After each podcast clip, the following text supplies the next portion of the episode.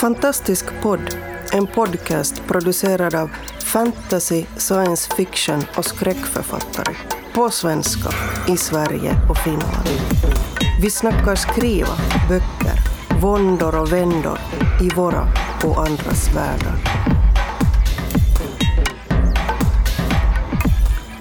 Välkommen till Fantastisk podd i Grupp Finlands muntra sällskap. Jag säger muntra för att idag ska vi inte diskutera någonting muntert alls utan idag ska vi prata om döden. Döden, döden, döden som Astrid Lindgren sa. Um, Fast hon sa det för att man ska kunna tala om något annat sen, så vad ska vi nu tala om? men nej, vi ska gå in Finland på djupet. hundra. Um, och uh, tidigare eh, poddgrupper har diskuterat till exempel hur man tar livet av sina karaktärer, men det är inte riktigt det vi tänkte tala om idag. Och det är jag som har kastat fram det här eh, skojfriska temat, så vi får se vad jag riktigt för oss. Men jag tänkte på, tror jag framförallt på döden som drivkraft, som motor i texter på olika sätt. Men eh, innan vi sätter igång så kanske vi ännu ska ta och presentera oss. Jag heter Maria Turchaninov. Jag heter Hannele Mikaela Taivassalo. Och jag heter Mia Frank. Och uh, orsaken naturligtvis till att jag äh, uh, kastade fram det här temat var att jag började reflektera över, reflektera över hur mycket död det är i mina texter och hur mycket, framförallt inte det att folk dör utan hur mycket mina texter på något sätt på olika sätt förhåller sig till döden och därmed också till, äh, till livet äh, och den här uppdelningen i död och liv på olika sätt. Um, men hur ser förhållandet till döden ut i, i era texter, Mia? Oj. Jag försöker ändå lite greppa det här ämnet. För, för på något vis, eh, om jag nu inte ska tala om att avliva karaktärer så börjar jag på något vis tänka då snarast på att, på att, på att liksom låta dem fortsätta leva fast de ändå har dött. Eh, det vill säga, jag har skrivit eh, en eh, barnroman som nu inte ännu är utgiven, som, där då bland annat finns spöken. Det vill säga att även om, folk är döda så fortsätter de leva. Och sen har jag hållit då på med ett lite större romanprojekt där jag nu inte direkt ägnar mig åt zombier men något lite zombieaktigt. Åtminstone finns det som någon slags eh, klangbotten för hela eh, tanken kring det som händer där. Eh, just det här med, med alla zombier som, som då också vandrar omkring i, i rätt mycket eh, film och, och text under senare tid. Och, och, och, och, och kanske då just det som, som det där döden då som en, en, en, någonting som, som eftersom det är ganska starka figurer så förhåller, ju, eller så förhåller sig hela texten rätt mycket till just det. Nu vill jag inte riktigt avslöja allt eftersom ingen del av det jag talar om finns utgivet ännu. Eh, så jag känner mig lite så här spoilervarning. Eh, att, att rätt mycket har nog funderat på, på döden som, som det där någon slags drivkraft. Och spöken och, och zombien och också Mikaelas vampyrer, så det är ju ett sätt att, att ja, förneka döden på, på ett visst sätt, att liksom försöka hålla den tillbaka, för, förhindra den på olika sätt. På ett visst sätt, ja. Men sen, ty, äh, om jag nu talar igen om min vampyrbok Svulten, så äh, där handlar det mera om att kan man få dö. Och det tycker jag det är inte alls heller ovanligt i Nej böcker, att det, att det liksom till sist blir det, det som vi längtar efter, det, eh, äh, ett, ett, att inte dö, att få leva, äh, också kan bli äh, en belastning. Man, äh, ett evigt liv är kanske inte bara så enkelt utan, äh, utan det där slutet är på något sätt också kanske äh, en, en lättnad eller äh, kan betyda någon form av, av, av lättnad. Jo, det fanns faktiskt också i, i min roman Naun där helt enkelt för att där fanns en, en person som kunde förhindra, både dra döden närmare och förhindra folk från att dö, även om de skulle ha velat dö. Så där fanns lite samma tema just att Precis, att ibland det kan, kanske man skulle vilja det och inte får. ja, att man kan också hämnas på det sättet att man inte låter en människa dö. Ja. Ja, jag menar det gillar ju inte bara vampyrer, det gillar ju också spöken och, och zombier. De får inte dö. Mm. För, för de liksom lever på något annat sätt. De har en annan Precis, de form. blir kvar Ja.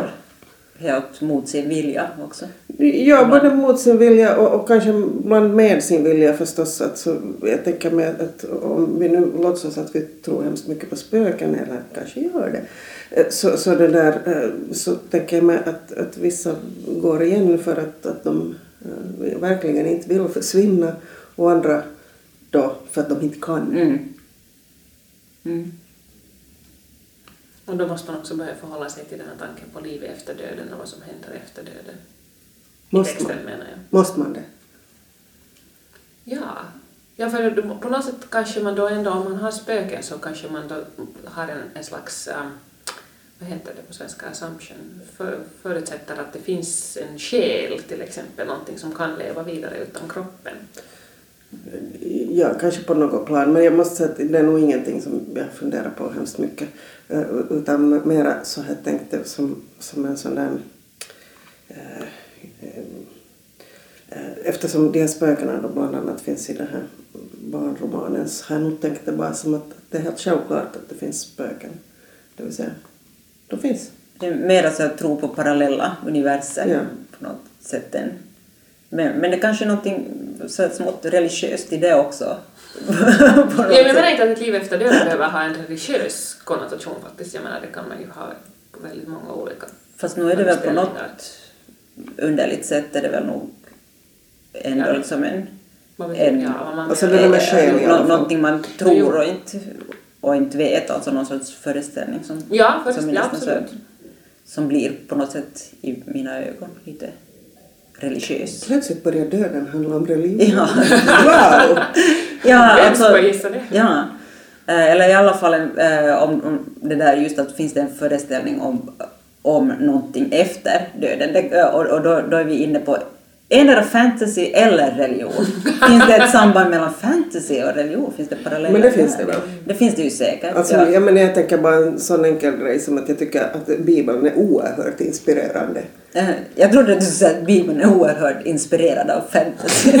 Det kan man ju också, kan man också få säga. säga. Ja, men, men, men visst, visst finns det ju därför att äh, fantasy han- handlar ju också om att tro. Just om man talar om skrivande så han, han, handlar det ju om helt konkret om att skriva någonting som är så trovärdigt som kanske inte finns men som man ändå tror på i fiktionen. Alltså fiktion handlar ju på något sätt också om, om tro. Alltså, det handlar om religion.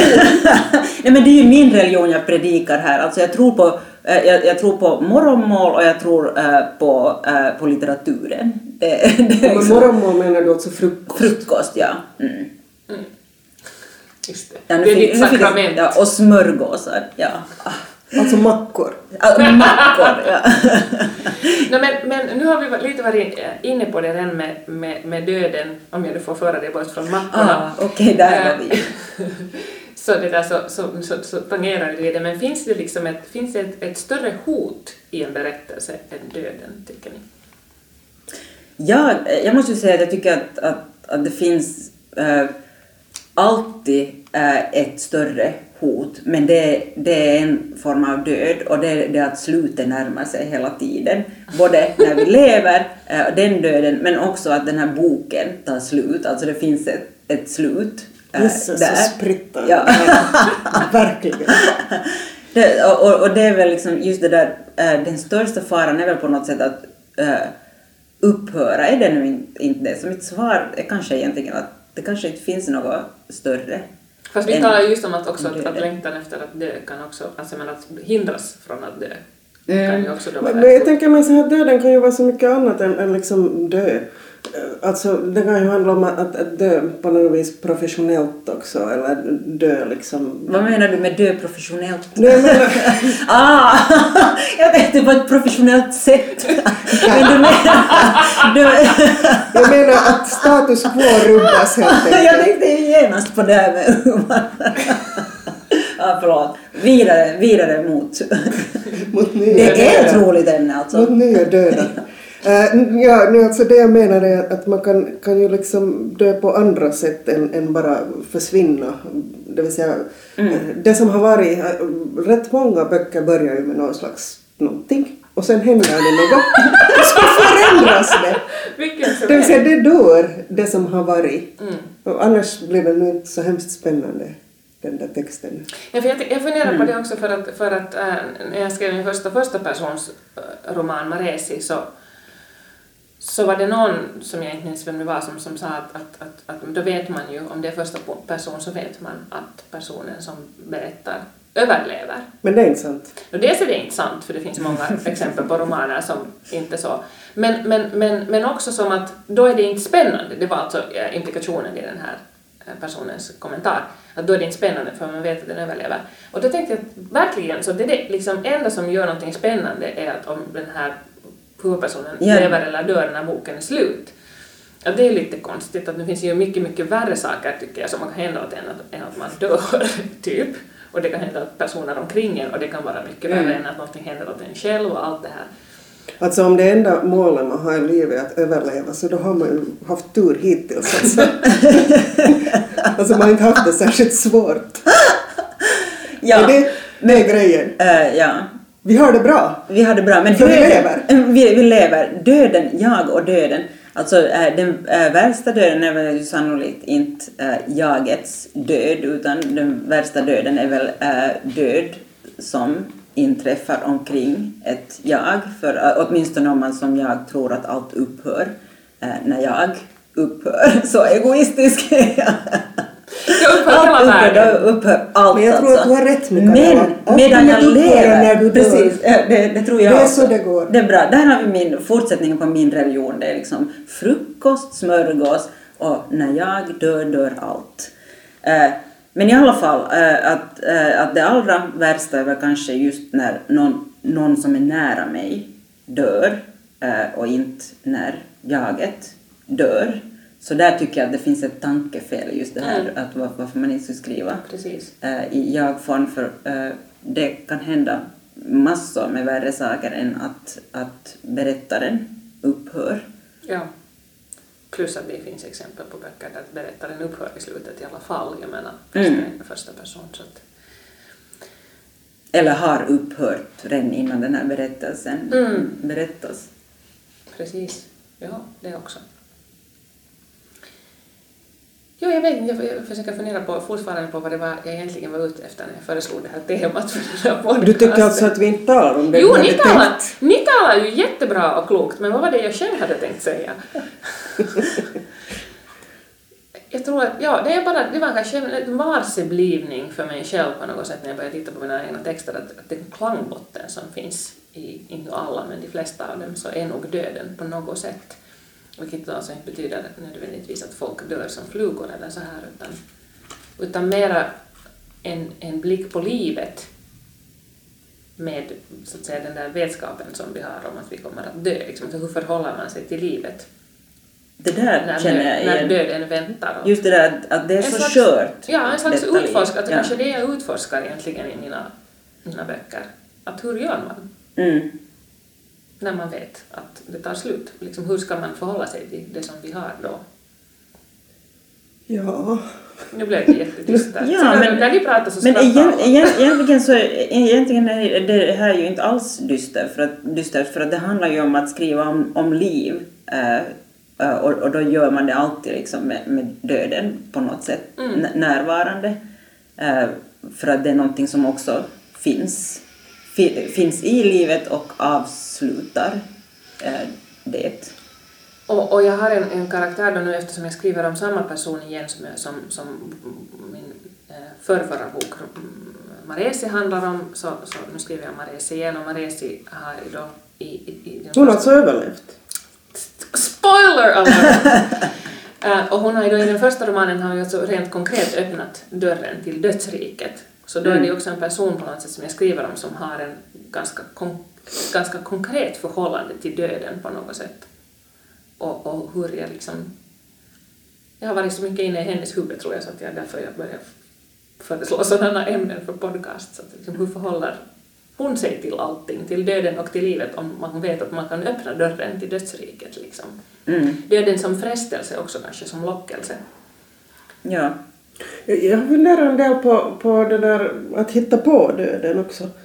Eftersom jag då har en, en person i, i en berättelse som ljuger.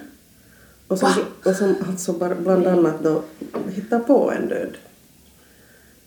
Och, och det har varit ganska fascinerande eh, hur, man, hur man leker med, med den påhittade döden. Alltså det som, det, som, som, som det där egentligen hade hänt någonting betydligt värre än döden.